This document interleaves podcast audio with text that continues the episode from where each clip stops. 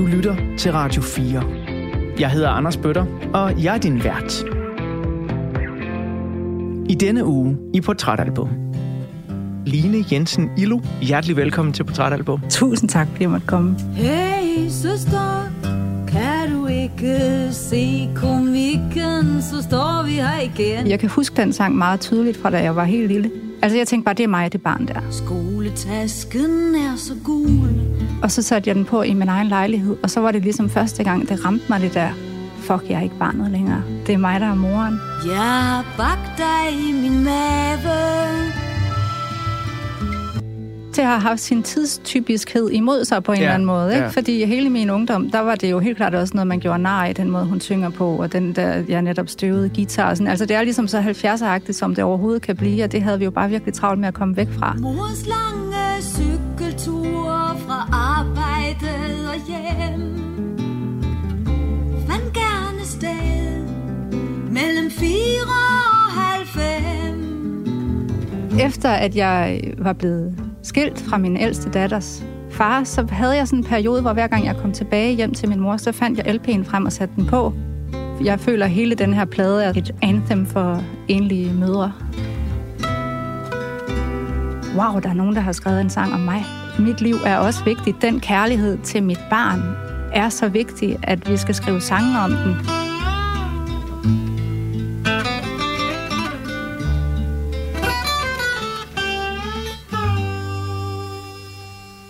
Rigtig hjertelig velkommen til ugens portrætalbum her på Radio 4. En udsendelse, hvor jeg udover at være sådan en lille bitte smule småirriteret over den øh, skrubtusse, som jeg har taget med mig hjem fra Smukfest 2022, og som har sat sig ned i min hals på mit stemmebånd, ja, så er jeg faktisk i strålende humør. Og det er jeg, fordi vi igennem de næste to timer skal beskæftige os med et album, som jeg ved meget lidt om, og jeg ikke har hørt særlig meget. Men det er jo gaven i portrætalbum, venner. Det er gaven, der bare skal blive ved med at give og give. Nogle gange så handler det om dine egne favoritkunstnere. Det kan også noget. Men det er da endnu federe, hvis man lærer noget ny musik at kende. Det kan man aldrig blive for gammel til. Derfor så er jeg så umådeligt glad for, at ugens gæst har valgt Trilles klassiske album Hej Søster fra 1976 til at tegne et portræt af hende som menneske og tegner. Ugens gæst er ude på Instagram kendt som Line Jensen Illo. Men ude i det virkelige liv, der hedder hun Line Jensen, er uddannet grafisk designer, udgav i 2017 bogen Hver dag starter det forfra, som hun vandt tegnernes debutantpris for. Og så har hun igennem mange år efterhånden beriget mit Instagram-feed med finurlige, bundærlige, sørgelige, sjove og glade tegninger om livets op- og nedture. Senest har hun fået uhyre stor respons på den brillante idé Postkort fra Sommerlandet. Og hvad det handler om, det vil jeg lade hende selv forklare lige om lidt. Allerførst, Line Jensen, hjertelig velkommen til Portrætalbum. Tusind tak, fordi jeg måtte komme. Nu er sommerferien overstået øh, med alt, hvad den øh, indebærer bristede drømme og alt for høje forventninger. Hvordan øh, går du og har det her i øh, midten af august? Hedebølge over Danmark? Øhm, bortset fra hedebølgen, synes jeg faktisk, jeg har det nogenlunde. Mhm. Godt. Øhm, jeg startede jo sommerferien på bagkant af en to måneders stresssygemelding, så jeg skal sådan lige mærke efter, hvordan jeg lander i hverdagen igen, kan jeg godt mærke. Jeg skal tage nogle lidt forsigtige skridt.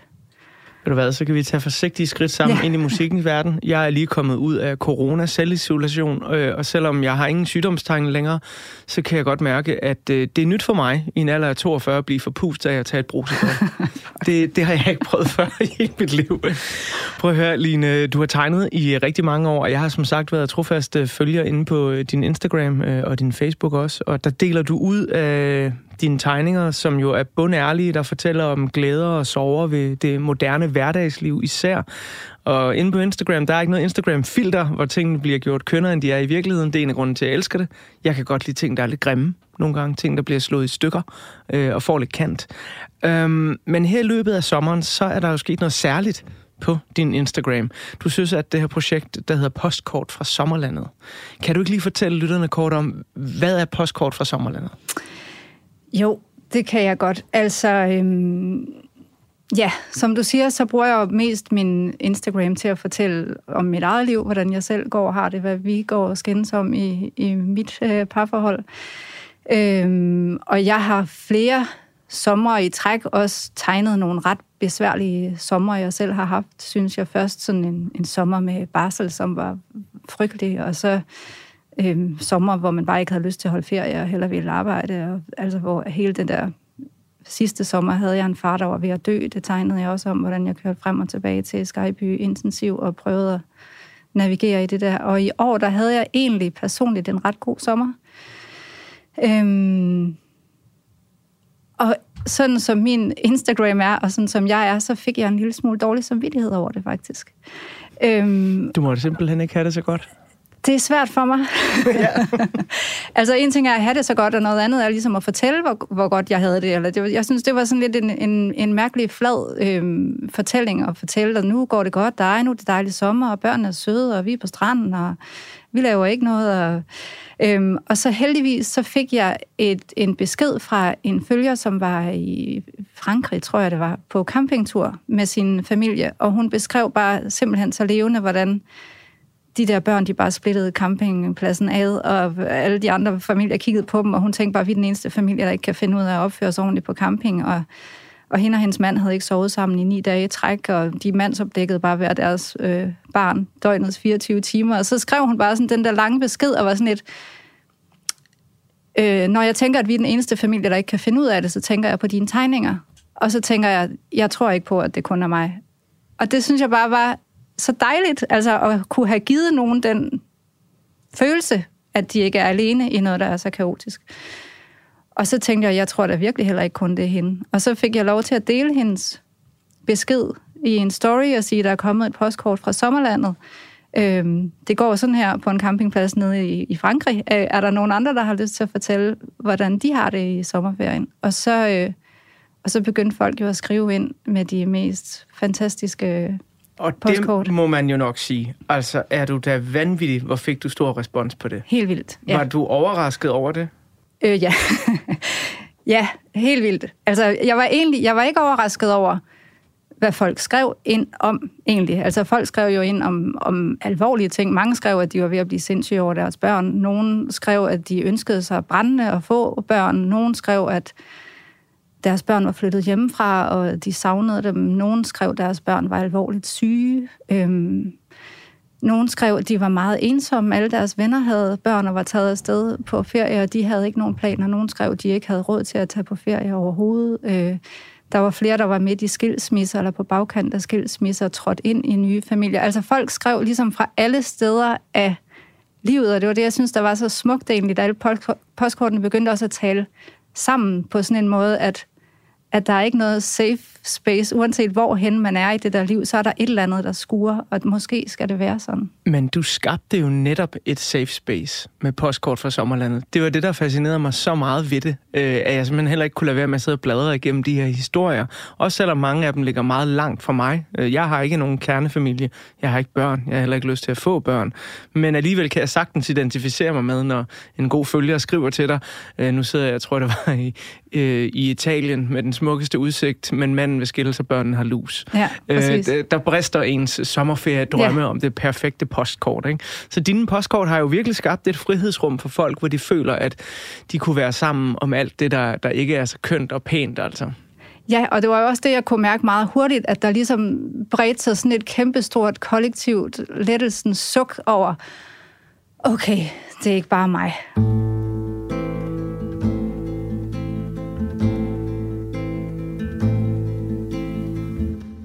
Men altså, jeg skrev jo og bad dig om at vælge et album, som har betydet meget for dig. Øh, meget vigtigt, så beder jeg aldrig folk om at udvælge det bedste album, fordi musikpolitiet er fyret i det her program. Det handler om, hvad der betyder noget for en. Og der var ikke nogen tøven fra din side. Trille med Hej Søster. Og det album, det udkommer jo det år, du bliver født, 1976. Men eftersom jeg ikke regner med, at du har sådan sygt mange minder fra dit allerførste leveår, så er vi blevet enige om i fællesskab, at årstallet for den her uges udgave af Portrætalbum, det er 2007. Fordi du skrev til mig, at øhm, den her plade, den for alvor bliver rigtig vigtig for dig, fordi at du i 2007 sådan lige var begyndt at lande på benene igen i dit eget nye liv efter en meget kaotisk periode. Hvordan den periode ser ud for dig, det tegner vi et billede af senere i programmet her. Lige nu, der skal vi høre den første halvdel af nummeret, der hedder Mors lange cykeltur.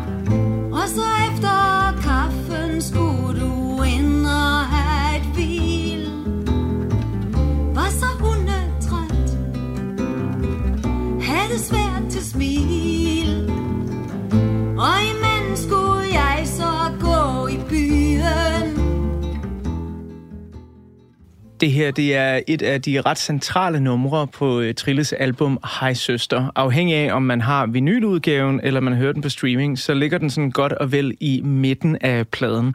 Og vi kommer til at snakke lidt om, hvorfor at øh, Mors Lange Cykeltur er et vigtigt nummer for dig, Line. For det er dig, der har valgt, at vi skal høre det. Men inden vi kommer så langt, så kunne jeg godt tænke mig at bladre op på den første side af portrætalbummet. Der er der et billede af dit barndomshjem. Hvordan føles der der?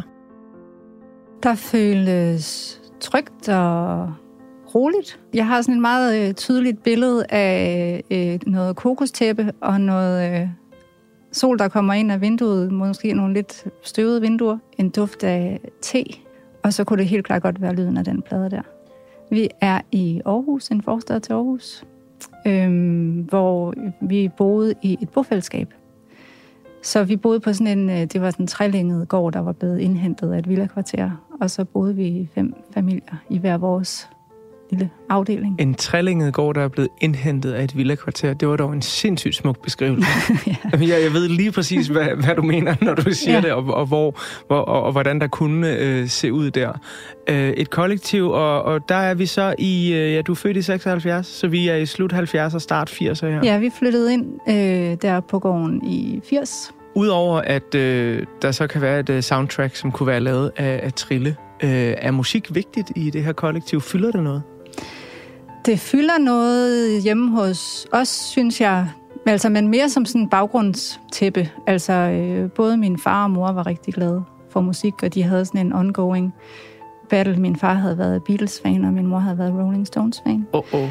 Øhm, og det kan jeg huske fyldt noget.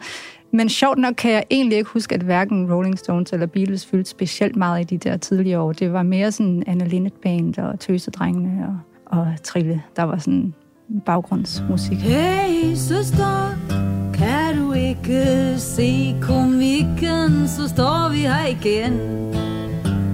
Med flætningerne langt ned i postkassen.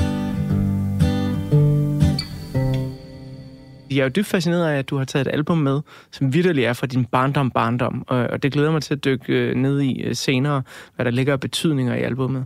Men, men hvad hører du, øh, da du sådan selv begynder at kunne vælge?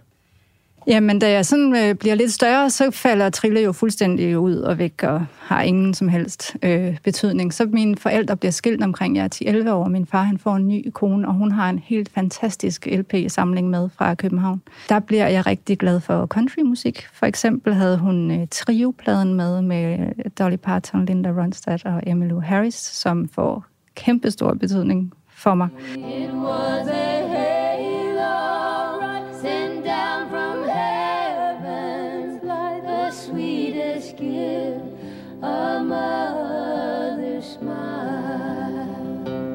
Der var også noget Bonnie Raitt og noget Fairground Attraction. Og Okay, du, hun har haft en sygt fed plade Hun sammen. havde den fedeste plade sammen. I see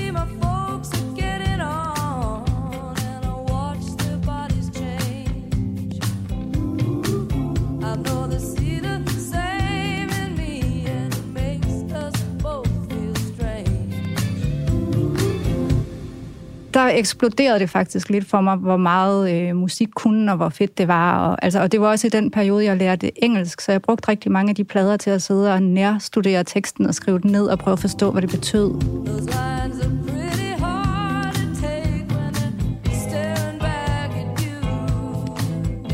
Hvordan øh, påvirkede det dig, at dine forældre blev skilt, og far fik en ny kone? Jamen, det var... Øh, altså, i situationen husker jeg det, som om det var sådan forholdsvis udramatisk. Det var ikke en kæmpe eksplosion af en skilsmisse. Det var sådan lidt mere, nå, okay, så skete der det, og jeg havde mange veninder, hvis forældre var skilt i forvejen. Jeg synes, det var lidt spændende, så skulle jeg have to værelser. Og, øhm, og jeg kunne rigtig godt lide min fars øh, nye kone. Hun var øh, super sød og en helt anden type, end, end min egen mor var. Så jeg synes også, det var lidt spændende. Hun kunne sy og bruge læbestift og øh, læse dameblade. Sådan nogle nye ting, der kom ind i mit liv på det tidspunkt. Øhm, men når jeg tænker tilbage, kan jeg helt klart godt se, at der var et før og et efter. Altså at min barndom, tænker jeg, som før den skilsmisse, og så under skilsmissen og efter skilsmissen, var jeg helt klart sådan lidt mere på egne ben og lidt mere Hvor i. gammel var du der?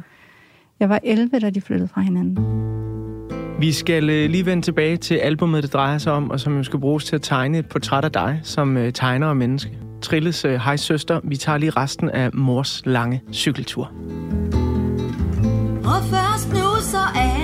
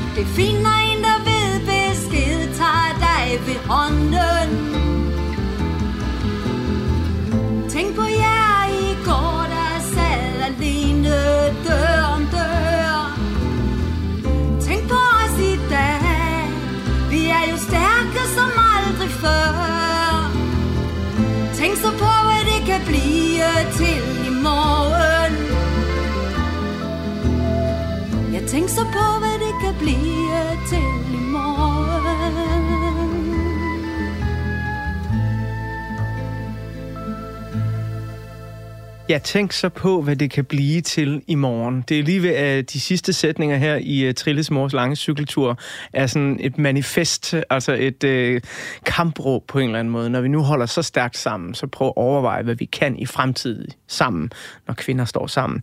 Line, det er dig, der har valgt mors lange cykeltur som et af de numre fra albumet, der var værd at fremhæve. Der er mange gode numre på, uh, men hvorfor er det her en af dem? Jeg synes, den her sang, den er sindssygt stærk, fordi den netop både peger tilbage og peger frem. Den måde, hun beskriver sit eget barndomshjem på, og, og moren, der knoklede fra morgen til aften for at få det til at hænge sammen som enlig mor til de der børn, og, og børnene, der følte den der ansvarlighed over, at de skulle hjælpe med at få det til at hænge sammen, og lavede kaffe og gjorde rent, og tog med på kirkegården. Og, øhm, den, den peger bare tilbage af sådan generationer og generationer af kvinder, der har knoklet røven ud af bukserne for at få liv til at hænge sammen, og børn, der har samarbejdet og modarbejdet og alt muligt, ikke?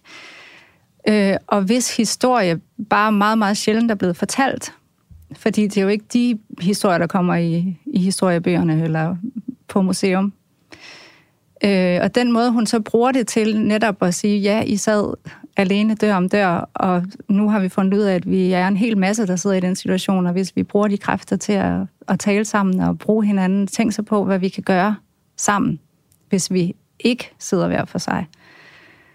Øhm, og der synes jeg måske, at vi kom lidt langt væk fra den drøm, altså som jo var kæmpestor i 70'erne, men som der var jo en stor modreaktion øh, på den i 80'erne og 90'erne. Så da jeg blev mor første gang i 2002, havde jeg helt klart ikke nogen øh, fornemmelse af, at vi var et hold. Nej. øh, jeg følte, at vi sad virkelig meget alene, dør om dør. Øh, Med de samme problemer. med de samme, præ- præcis de samme problemer. Og de samme glæder, og de samme alt muligt, ikke? Men altså mange af Trilles sange handler jo om det liv, man har øh, alene med børn. Jeg, jeg føler, at hele den her plade er sådan lidt et, et anthem for enlige mødre til alle tider. Jamen, jeg tror i det hele taget for enlige, som så. altså, så, som jeg sagde i begyndelsen af udsendelsen, jeg har ikke børn, og det skal jeg heller ikke have. Men det, der er styrken i den her plade, er, at jeg kan sætte mig ind i, hvordan det må være at være enlig forsørger. Øh, og især med sådan et nummer som Mors lange cykeltur, når man læser ned i teksten, og jeg vil virkelig øh, opfordre alle, der lytter med til den her udsendelse, til at høre de her tekster, øh, lytte til dem, læse dem, fordi ned imellem de her linjer, øh, hvis man tager den her fernis væk af den tidstypiske hippie-sang med akustisk guitar, jamen så ligger der noget virkelig, virkelig stærk lyrik, ikke? Altså som, som sådan er oppe og konkurrerer med det helt store, altså vi taler Tove Ditlevsen og den slags, synes jeg. Det er, jeg, jeg er sindssygt glad for, at du har taget det her album med, Line. Ej, hvor er jeg glad for det. Fordi det er, sådan, det, det, det er et album, der aldrig rigtig har sagt mig det store nok, fordi at det ramte mig helt forkert på ja, Ja, og så det tror jeg også, det har tidspunkt. haft sin tidstypiskhed imod sig på en Ja, ja, eller anden måde. Ikke? ja. Fordi hele min ungdom, der var det jo helt klart også noget, man gjorde nar i, den måde, hun synger på, og den der, jeg netop støvede guitar. og Sådan. Altså, det er ligesom så 70'er-agtigt, som det overhovedet kan blive, og det havde vi jo bare virkelig travlt med at komme væk fra. Men ja, når man hører teksten, så handler det om noget universelt. Jeg ville sådan ønske, at der også var nogle nye kunstnere, der tog nogle af sangene op og genfortolkede dem, så man ligesom kunne høre dem med nye ører på en ny måde. Ja. Jeg har prøvet at overtale alle mulige, men det er ikke lykkedes endnu. Men prøv at høre, det kan jo også være, at der er lyttere, der sidder derude, øh, som aldrig har hørt om Trille før, og øh, for hvem det her det er det første møde med både Hej Søster og den her måde at synge på. Og øh, til ære for, for dem, øh, også for dig, Line, så har jeg prøvet at lave en lille bouillonterning over Trilles karriere, øh, og derfor så vil jeg bladre op på den næste side på portrætalbummet nu, og øh, så øh, give sådan et, øh, ja, en magiterning, kan vi kalde det. Vi fortsætter portrættet af Line Jensen lige om lidt. Men lige nu, der bladrer vi om på portrætalbumets næste side, hvor der er et billede af musikeren Trille. Måske så ved du allerede alt om en af kvindebevægelsens favoritsangerinder og ejer samtlige værker, hun har udgivet. Eller måske så har du, ligesom jeg, aldrig rigtig helt fået dykket ned i, hvad det egentlig er, der gjorde Trille så god, når hun var allerbedst. Uanset hvem du er, så vil jeg nu Public Service servicere dig med en lille Trille Bouillon terning. Trilles borgerlige navn var Gudrun Bodil Nielsen, og hun kom til verden den 6. marts 1945 i København. Hendes far, Niels, var tandtekniker, og hendes mor, Ragnhild, var sekretær. De tidlige barndomsår var trygge i familiens skød, som også inkluderede to ældre brødre. Men da Trille var syv år, indtraf livets første store tragedie, da hendes far døde af nyresvigt. Nu som ud i skoven går. For jeg har hverken far eller mor, eller nogen ven på denne jord. som trøster mig du. Da Trille går på Christianshavns Gymnasium, får hun i 1964 ved et tilfælde sine første spillejobs på værtshuset Kontoret. Trille havde ganske enkelt grebet en guitar til en studenterfest og underholdt hele værtshuset. Ejeren var så begejstret over hendes optræden, at han hyrede hende på stedet og bad hende om at komme tilbage og spille traditionel folkemusik og hendes fremragende fortolkninger af franske viser. Min ven, min søde ven, dag og nat jeg tænker på, om jeg dig til mand skal få, sig hvor skal vort bryllup stå. Jeg vil have en ægte mand som alle andre. Vi skal have et børnekul, jeg er hele reden fuld. Vi skal have et børnekul, jeg er hele reden fuld. Igennem de første mange år af sin karriere begår Trille sig hovedsageligt som folkesanger og udgiver fra 1966 til 1970 en række albums med både folkesange, gamle viser og børnesange. I de år, der arbejder hun på kryds og tværs sammen med navne som Paul Dissing, Cæsar, Frode Vedinge og med tiden også en håndfuld af Danmarks helt store jazznavne, såsom Hugo Rasmussen, Anders Koppel og Ole Fick. Og selvom Trille er kendt i folkesangermiljøet og inde i Tivoli, hvor hun optræder i Tør Olesens folkekabareter i Vise Værshuset, en chance hun faktisk fik på grund af hendes 1964-koncerter på Værtshuset Kontoret, ja, så er det faktisk intet mindre end en god gammeldags skandale, der ender med at gøre Trille landskendt. Jeg var lille, jeg var søvnig. Det var dagen, som skulle slutte, men først aften bøn og fader vor, for en mor kunne putte. Og der ligger man og grønter, og skal lige til at sutte, så lurer der et øje i det høje. Ham Gud, han er eddermame svær for smidt ud. Han er streng, men så forbandet uerfaren, han har aldrig nogensinde været barn. Den 18. september 1970 optræder Trille nemlig på landsdækkende tv med Jesper Nielsens nummer Øjet. Det er et nummer, der handler om, hvor sært det er, at Gud han kan kigge ned fra det høje og fordømme både onani og ens erotiske fantasier, når Gud nu selv aldrig har haft sex. Men så snart jeg knapper op og lægger maven mod hans bukser, så lurer der et øje i det høje. Eddermame svær at få smidt ud. Han fik aldrig selv ild på sin cigar, for han ordnede jo Maria per vikar. Og tro det eller lad være. Men den her søde, ret sjove og med nutidens øjne ret uskyldige sang ledte faktisk til en af de ganske få danske retssager, hvor blasfemiparagrafen blev taget i brug. Justitsminister Knud Testrup rejste simpelthen tiltale mod DR-programcheferne Nils Jørgen Kaiser og Kai Brun, for de havde jo ansvaret for, at Trille havde fået lov til at fremføre så stødende et nummer på live tv. Og det er vel at mærke fire år efter, at John Lennon han fik ørerne i maskinen for at udtale, at The Beatles var mere populære end Jesus. Heldigvis så ender den her sag med frifindelse, og ingen skulle derfor straffes med bøder eller fængsel for Trilles nu legendariske optræden. Ham Gud, han er med svær at få smidt ud. Men selvfølgelig, hvad har Gud forstand på sjæl, når han aldrig nogensinde var menneske selv? I 1976 udkom Hej Søster, der stadig den dag i dag betragtes som Trilles kunstneriske hovedværk. Sangene handler blandt andet om Trilles følelser omkring det at være blevet mor, vilkårene for kvinder i 1970'erne og ikke mindst udfordringerne ved at være enlig forsørger. Og selvom albumets sange sagtens kan tolkes i et feministisk lys, som det så ud i rødstrømpebevægelsens storhedstid, så har Trille senere i livet udtalt til politikken, at hun ikke var rødstrømpernes ejendom, ligesom Hej Søster ikke var et forsøg på at lave et politisk album. I samme åndedrag sagde hun dog også, at det er fantastisk for mig at være et ikon for kvinder. Kom og løft mig op, løft mig op til jeg føler, at jeg svæver. Og lad mig hænge som et spædbarn der. Kom og løft mig op, løft mig op til jeg føler, ingen kræver. At jeg skal gentage andres floskler mere. Da Trille var 44 år gammel, fik hun en svær depression, som fik hende til at indstille næsten al musikalsk aktivitet. Heldigvis så havde hun dog også arbejde væk fra rampelyset. Hun havde nemlig igennem mange år lavet børnetv på Danmarks Radio. Og det fortsatte hun ufortrødent med, både som producer, instruktør og forfatter.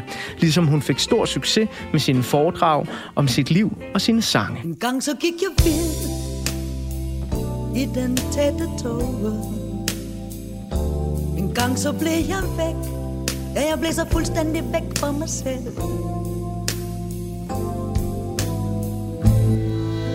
Den 18. oktober 2016 blev det offentligt kendt, at Trille var gået bort efter kort tids kraftsygdom. Trille blev 71 år gammel. Men her i 2022 lever hendes musik stadig videre. Dels har Trilleband, der består af sangerinden Mette Markman og størstedelen af Trilles gamle band, siden 2014 spillet koncerter rundt om i Danmark med Trilles velsignelse. Og siden 2018 er musikfestivalen Hej Søster blevet afholdt, og den præsenterer også her i 2022 et stærkt og vedkommende lineup af kvindelige frontfigurer, solokunstnere og bands. Se min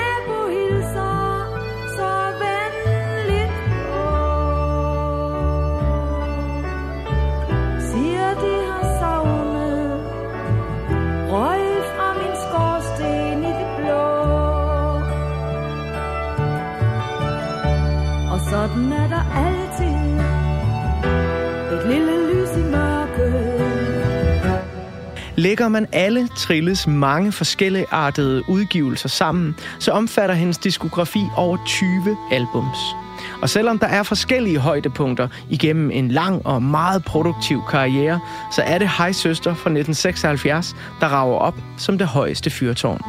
Og her der kommer endnu et nummer, som ugens gæst her i Portrætalbum, tegneren Line Jensen, har udvalgt. Det her er Min Lille Sol. Bussen spytter hende ud i vores by. Skoletasken er så gul og lidt for ny. Mellem store stykke biler går min lille sol og smiler. Jeg har et lille anker.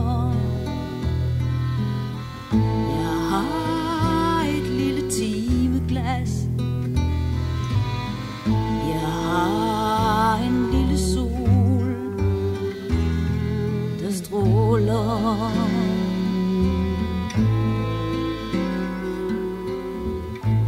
Vejen hjem er som en rejse fuld af mål. Der skal ses på ost og torsk og døde ål. Der er rækker af butikker. Hun er en trofast lille kigger. Jeg har et lille anker. Jeg har et lille timeglas. Jeg har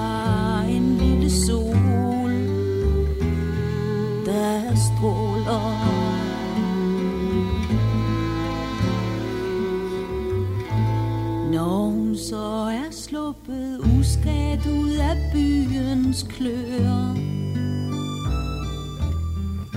står hun pludselig der kimer på min dør. Hun har tabt to mælketænder, gemmer dem et sted, som ingen kender. Jeg har et lille anker.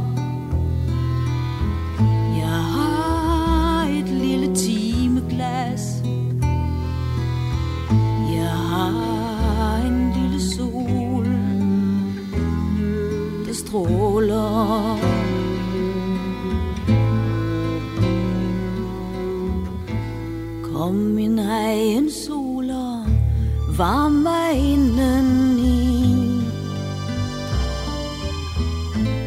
Lille kraftværk fuld af gratis energi.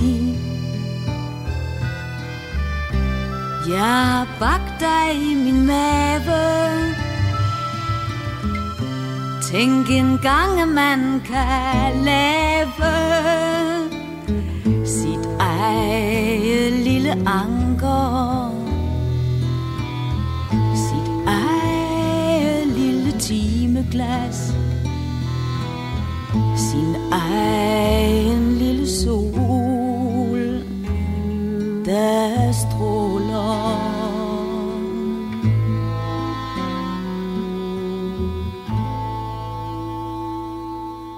Sindssygt smukt nummer fra Trilles hejsøster, Min Lille Sol.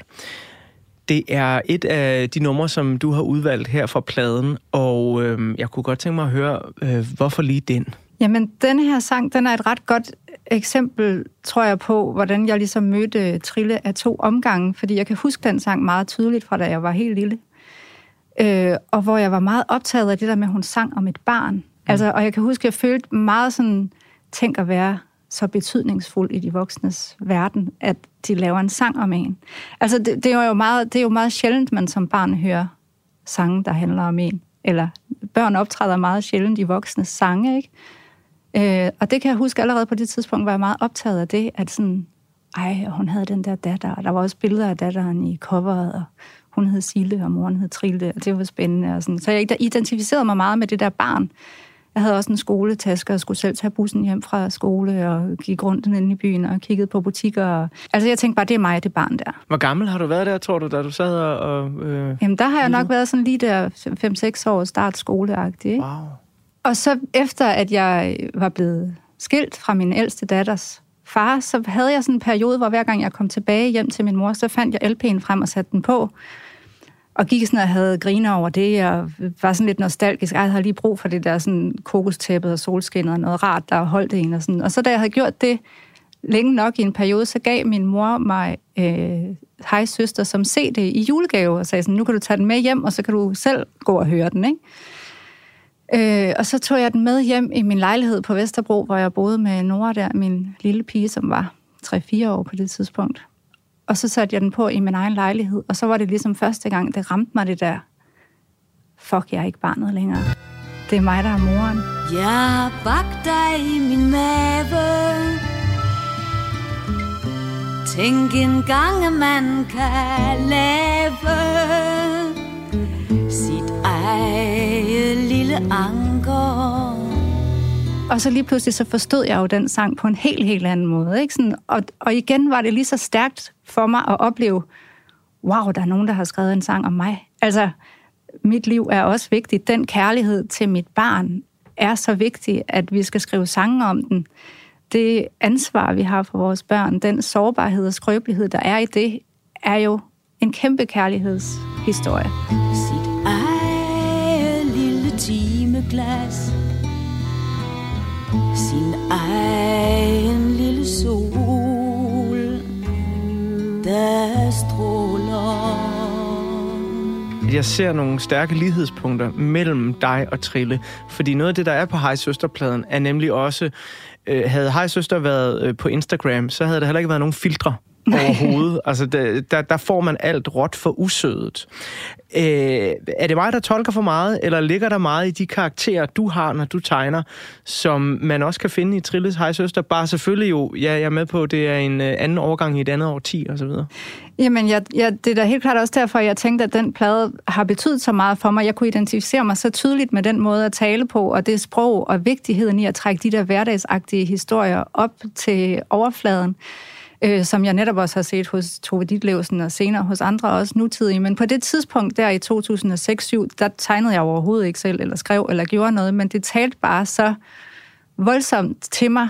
Øhm, og siden efter jeg selv er begyndt at lave det, jeg laver, kan jeg jo godt se gud, det er den tråd, der jeg har hævet i. Ej, kan man snakke videre om den der? Kan man tage den der samtale op igen? Jeg synes egentlig ikke, vi blev færdige med den. Ja, det er jo dybt fascinerende, fordi jeg anede ikke, at der var en tråd at hive i der. Øh, og jeg var bare, da du sagde, at vi skal have hej søsten, om fint, så må vi høre, hvad det handler om. Og, og jeg kan, altså, det er ikke bare en rød tråd, det er nærmest sådan en motorvej af rød, der ja. ligger fra Trilles hej søster og op til, til din gerning øh, ude på Instagram som Line Jensen Ilo. Men vi skal jo også lige have fastslået, at Øhm, det er i 2007, at det her album bliver rigtig vigtigt for dig igen. Det var, hvad du skrev til mig. Hvad var det, der skete i dit liv i, øh, i de år 6-7? Jamen, altså, jeg øh, var blevet skilt. Øhm, og jeg blev egentlig skilt i 4-5. Øh, det var en meget, meget langstrakt skilsmisse. Øh, og det var en meget voldsom oplevelse, hvor jeg altså i løbet af de der to-tre år, hvor min datter var helt lille, kom længere og længere væk fra mig selv. Øh, altså, jeg har sådan et helt et meget tydeligt billede af, at da jeg kom ud på den anden side af den skilsmisse, der var jeg sådan gennemsigtig. Jeg havde ikke nogen konturer overhovedet. Jeg vidste ikke, hvem jeg var, eller jeg vidste ikke, om det, jeg følte, var rigtigt, eller om det, jeg synes var... Altså, jeg kunne ikke mærke overhovedet, hvad jeg skulle, eller hvad jeg ville, eller hvem jeg var. Og så landede jeg alene i den lejlighed der på Sønder Boulevard med Nora, og havde med det samme en klar fornemmelse af, fra nu af bliver det bedre. Altså nu skal jeg til at bygge noget på igen. Øhm, men jeg anede ikke, hvor jeg skulle starte. Så det var sådan en meget langsom, øhm, ja, meget langsom start og svær. Øh, og jeg var også, jeg var nyuddannet, jeg var under uddannelse, mens vi blev skilt. Min datter var to et halvt. Øhm, så jeg skulle også ud og finde mit første arbejde, og altså, det er jo i forvejen sindssygt svært, når man ikke tror, man kan noget. Jeg kom også lige fra en barsel, og, ja, og så havde jeg været i det der forhold der, hvor det jo sådan langsomt var gået op for mig i løbet af forholdet, at der ligesom var en, en tredje part med i, i forholdet, der hed kokain. Og det var ligesom bare med til, at, at jeg overhovedet ikke havde fattet, hvad der foregik. Var det noget, der blev holdt skjult for dig? Ja, meget langt hen ad vejen var det. Jeg synes stadigvæk, det er sindssygt svært at tale om, fordi stadigvæk, nu kan jeg komme i tvivl om, jamen var det bare mig, der var hysterisk, eller er det normalt nok, eller det er da meget normalt, eller man skal jo også have lov til at have det lidt sjovt en gang imellem. Altså jeg kan mærke alle de der ting, der ligesom blev sagt og brugt i den samtale, de sidder stadigvæk virkelig dybt i mig.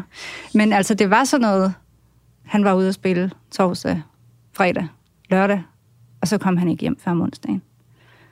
Okay. Og han tog ikke telefonen, og jeg vidste ikke, hvor han var. Og når han kom hjem, var det sådan, hvad fanden regnede du med? Altså, hvor, vil du bare have parcelhus og Volvo og hus og have? Altså, sådan et liv får vi aldrig. Og jeg var sådan, nej, måske kunne du bare ringe og sige, hvornår du kom hjem. Eller, altså, sådan en, jeg var kommet så lang, langsomt, langsomt, hvor de der grænser for, hvad der var normalt, og hvad man kunne forvente, bare Men udvidet fuldstændig vildt. Den dag i dag, når du sidder her og fortæller mig det, så kan du vel godt høre, at det lyder helt sindssygt. Ja, Ja, okay. Og på det tidspunkt, hvis jeg sagde det til nogle af mine veninder, kunne de også godt høre, at det lød fuldstændig sindssygt. Og derfor holdt jeg meget hurtigt op med at sige noget til nogle af mine veninder. For jeg kunne ikke bruge den der, øh, det der chok til noget. Altså, de var sådan, hvad for noget? Jamen, han er fuldstændig idiot, men det er jo fuldstændig uansvarligt. Eller så sidder du der med et barn på fire måneder, og han er væk i to uger, og og det, det kunne jeg jo godt høre, det lød mærkeligt. Og samtidig så var jeg bare sådan, ah, men det er jo også fordi, jamen, du må forstå, det er anderledes med ham, og Inden vi øh, går videre, så er der en ting, jeg synes, vi helt sikkert bør slå fast. Øh, jeg ved godt, at der i 2022 er ved at blive sådan en, en nærmest normalisering af øh, det at tage kokain i visse kredse. Det vil jeg gerne kæmpe imod. Jeg vil gerne afnormalisere det. Det er ikke normalt. Det er pisse farligt. Det er pisse ulækkert. Og det, som er sindssygt uhyggeligt ved lige præcis kokain, det er, at man ændrer personlighed af det. Ja. Og en ting er, når man er høj og har det sjovt, og sådan, men når man kommer hjem og skal vågne op fra det igen, så kan der godt gå ret mange dage, hvor man er rimelig paranoid og crazy at være sammen med. Men jeg er så nysgerrig, øh, fordi i mit hoved, fordi jeg jo kun kender dig gennem Instagram og Facebook, så har du tegnet hele dit liv, øh, og du har øh, jeg brugt al din tid på at lave de her fantastiske figurer, som jo ja er dig øh, og dine børn og, og din øh, nuværende mand osv. Men hvornår efter det her begynder du så at, at finde øh, lysten til at tegne og, at finde den streg, du har nu? Jamen, der går mange år, altså fordi der, hvor jeg skulle ligesom til at starte mit liv forfra med Nora, der galt det jo simpelthen bare om at finde et arbejde, hvor jeg kunne tjene nogle penge og forsørge mit barn og få mit liv til at fungere. Så jeg fandt arbejde som grafisk designer, og øh, ret hurtigt øh, blev jeg selvstændig, fordi sådan en fuldtidsstilling og øh, alene med et lille barn, det fungerede ikke for mig. Så for at jeg ligesom kunne have lidt mere fleksibilitet, også de dage, hvor øh, ungen havde det lidt skidt, og, øh, så, så passede det bedre for mig at, at, at have mit eget. Øh, og det havde jeg jo faktisk indtil jeg mødte øh, Rune, min nuværende mand, og fik to nye børn med ham. Og så var det nok først der, at der også begyndte at være sådan overskud, både måske økonomisk, men også sådan lidt kreativt til, at jeg kunne tage fat på den der drøm, jeg nok altid lidt havde haft om, at jeg skulle lave noget af mit eget, fortælle min egen historie. Men det var ikke noget, jeg sådan havde formuleret for mig selv, jeg ville. Det var ligesom, det skete først der, da jeg fik min tredje datter i 2016. Men altså lige for nu, der er vi nede i øh, 2007, og øh, du skal til at starte et helt nyt liv, en øh, ny begyndelse, også selvom du synes, du måske er ret gennemsigtig på det her tidspunkt. Og for ligesom at øh, få din hukommelse på glæde for, hvad det egentlig er for en tid, du går og dyrker Trilles hejsøster i, så har jeg lavet et øh, lille portræt af den samtid, som øh, du lytter til pladen i. Nu tager vi et ordentligt spring frem i tiden, væk fra 1970'erne, fordi på den næste side af portrætalbummet, der er der et billede af året 2007. Så læn dig tilbage og bliv klogere på, hvordan Danmark og verden omkring os egentlig så ud i det år, hvor Trilles hejsøster fik en rigtig stor betydning for Line igen. Ude i den store verden er der teknologiske fremskridt på vej, som kommer til at få en kæmpe stor betydning for vores digitale hverdag i de kommende år. Det er nemlig i 2007, at lederen af Apple, Steve Jobs, kan præsentere den allerførste iPhone. Og selvom det ikke er den første smartphone i verden, så bliver iPhone det lommeapparat, der i de kommende år inspirerer rigtig mange andre smartphone-producenter. iPhone kommer i handlen i USA den 29. juni 2007 og sælger frem til årets udgang omkring 2 millioner eksemplarer. a widescreen iPod with touch controls, a revolutionary mobile phone, and a breakthrough internet communications. These are not three separate devices. This is one device. And we are calling it iPhone. Og hvad bruger vi så vores smartphones til i 2007? Jo, YouTube, der efterhånden er allemands eje, har for længst rykket sit fokus væk fra nuttede kattevideoer og bliver fra midten af nullerne og frem en stadig større stigende magtfaktor i den daglige nyhedsformidling. Og på YouTube, der er der ikke nogen klog aldrende redaktør, der bestemmer, hvilke nyheder, der skal rydde forsiden. Nej, det er brugerne selv, der bestemmer. Og i 2007, der bliver rekorden for den mest sete video på YouTube nogensinde slået. Og det siger nok meget om både internettet og skyggesiden af mennesket, at den video, der slår alle rekorder, er en video af den tidligere irakiske diktator Saddam Husseins henrettelse. Kigger vi kort på de mere traditionelle nyhedsmedier, så er 2007 året, hvor alle tv-stationer, dagblade og ugeblade intensivt følger historien om den lille britiske pige, Madeleine McCann, der forsvinder under en ferie i Portugal og endnu ikke er blevet fundet. It's feared that a three-year-old British girl has been abducted in Portugal. If your child isn't safe at a resort, where is she safe? The media made their daughter the most high-profile missing child in the world. Men hvis man vil flygte lidt fra diktatorhenrettelser og mistanker om kidnapning af børn, så kan man i 2007 sætte sig til rette i sin favorit læsestol og forsvinde ind i Harry Potters eventyrlige verden. Den syvende og sidste bog i serien, Harry Potter og dødsregalierne, bliver nemlig en af årets mest solgte bøger. Og som om det ikke var nok, så kan forfatteren J.K. Rowling også indkassere prisen for årets anden mest sete biograffilm, som bliver filmatiseringen af den femte bog i serien, Harry Potter og Fønixordenen.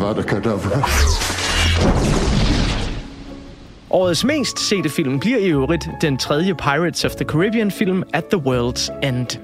Herhjemme i den lille danske Annedam, der går vi dog ikke kun op i Disney-pirater og troldmandslærlinge. Nej, vi elsker også en god omgang socialrealistisk drama og krimi. Og der leverer 2007 virkelig på alle parametre. Danmarks Radio er inde i en gylden periode, og året byder derfor både på afslutningen af tv-serien Krøniken, der har kørt siden 2004, samt vores første møde med verdens sejeste islandsk svætterbærende super efterforsker, Sara Lund. Forbrydelsen 1 får premiere den 7. januar 2007, og da det sidste afsnit ruller over skærmen den 25. november, er der over 2 millioner danskere, der ser med. Det er mig, der er Sara Lund. Jan Maj. Jeg er den nye vicekriminalkommissær. Af andre korte nyheder fra vores lille reservat kan det også nævnes, at det i 2007 er statsminister Anders Fogh Rasmussen meddeler, at Danmark trækker sine tropper ud af Irak og derved stopper støtten til Irak-krigen. Og krig, det er der også i de københavnske gader. Det er nemlig i 2007, at ungdomshuset på Jagtvej 69 ryddes og efterfølgende rives ned. Det er også i 2007, at Morten Messerschmidt forlader Dansk Folkeparti, efter flere aviser har bragt historien om, hvordan Messerschmidt har hyldet nazismen til en fest. Og endelig så sker der det lidt senere på året, at hele Danmarks cykelhelt, Bjarne Ries, endelig indrømmer, at han tog doping, da han vandt Tour de France i 1996. Jeg har taget doping. Jeg har taget Evo. Sådan for en tid, Line. Det er den her tid, hvor du går og er lidt skrøbelig, gennemsigtig og genopdager Trilles hej søster. Gjorde det noget for dig, sådan en uh, lille bouillon-terning her? ja, det var fedt. Okay. Og det er sjovt, fordi jeg har det stadigvæk sådan med den tid. Altså i virkeligheden hele nullerne, men især måske der syv år op efter tierne, at det er sådan, altså det er jo nu-agtigt. Ja, det er det ikke. det er det jo ikke. Det er det overhovedet Det er ikke. det, der er lidt pinligt. Var der øh, nogle af de her øh, overskrifter, altså nu er det jo bare udvalgte overskrifter, der skal selvfølgelig 10.000 andre ting. Var der noget af det, der betød noget særligt for dig dengang, eller som du bed øh, meget mærke i? Øh, nej, men som sagt, altså jeg tror faktisk, jeg var, jeg havde sgu nok at se til i mit eget lille øh, liv på det tidspunkt, så sådan verdens øh, og tv-serier fyldte ikke sådan helt vildt meget. Øh, jeg kan godt huske, der var en fra mit øh, kontorfællesskab, der fik en iPhone på et tidspunkt, og det var fuldstændig absurd, han hele tiden sad og kiggede ned under bordet. og sådan det der med, når man sad og snakkede om ting, og sådan, sådan oh, øjeblik, det finder jeg lige ud af. Sådan, og hvem var det nu, det var, eller hvad var det nu? Så kunne han hele tiden lige sådan google det. Ja. Og vi var bare sådan, ej okay, alle samtaler fra nu af bliver jo sindssygt kedelige, hvis man bare kan sidde og slå alting op ned under bordet.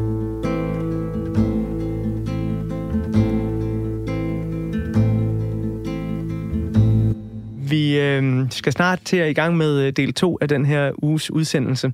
Øh, men øh, inden vi kommer så langt, så skal vi selvfølgelig forbi øh, noget mere musik fra øh, Trilles Hej Søster. Og når vi kommer til del 2, så skal vi jo høre lidt mere om, jamen, hvordan du kommer i gang med at finde den streg, der er så umiskendelig dig, øh, og hvordan du går og har det her i 2022. Øh, og så vil jeg også i næste afdeling tegne et lille øh, portræt af musikscenen i 2007. For det kan jo være, at der er noget andet end Trille, du også går og hører på øh, det tidspunkt. Der, øh, vi skrev sammen, så bad jeg dig om at, at udvælge nogle numre. Øh, vi har hørt øh, to af dem, Mors lange cykeltur og Min lille sol. Der kommer flere i del to af dem, du har valgt. Og så skrev du også sådan, ej, vi skal også høre Hej Søster. Jeg ved ikke, om det er mit yndlingsnummer som så, eller en af mine favoritter, men den skal bare med. Hvorfor skal den bare med?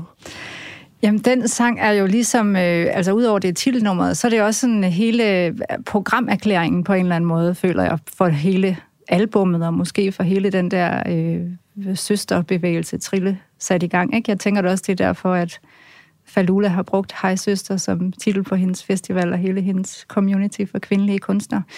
Øh, der er bare så meget øh, ja, søstersolidaritet i den sang. Øhm, og jeg synes også, der er meget humor i den. Altså, den er, hvor mange af de andre sange, jeg har valgt, er måske sådan lidt mere mørke og lidt mere melankolske og sørgelige. Melankolske. Og det kan jeg jo rigtig godt lide. Ja. Der, der er Hej Søster både sådan lidt mere øh, dumti, dumti, dumti. Men også, øh, der er noget power i og noget humor i, og, sådan noget, øh, og så samtidig den der realisme, som jeg bare øh, synes er mega fed, den blanding der. Inden vi øh, går videre med øh, del 2 af ugens portrætalbum, så får du lige øh, den første halvdel af nummeret Hej Søster. Hey søster, kan du ikke ikke se komikken, så står vi her igen. Med flætningerne langt ned i postkassen. Hey søster, det er ligesom bukseelastikken har fået et knæk. Og sikkerhedsnålen er sørme blevet væk. Så gik det kærlighedens år. Hvad er det så, vi har lært? Hvad er det nu, vi forstår? Vi bliver stadig bedre til at slikke vores sår. Og dagen er mørkner nu. De siger, at vinteren bliver hård i år. Mange flasker har vi slæbt helt hjem fra Irma i kærlighedens navn. Og Gud skal vide, de gjorde gavn. Tunge tasker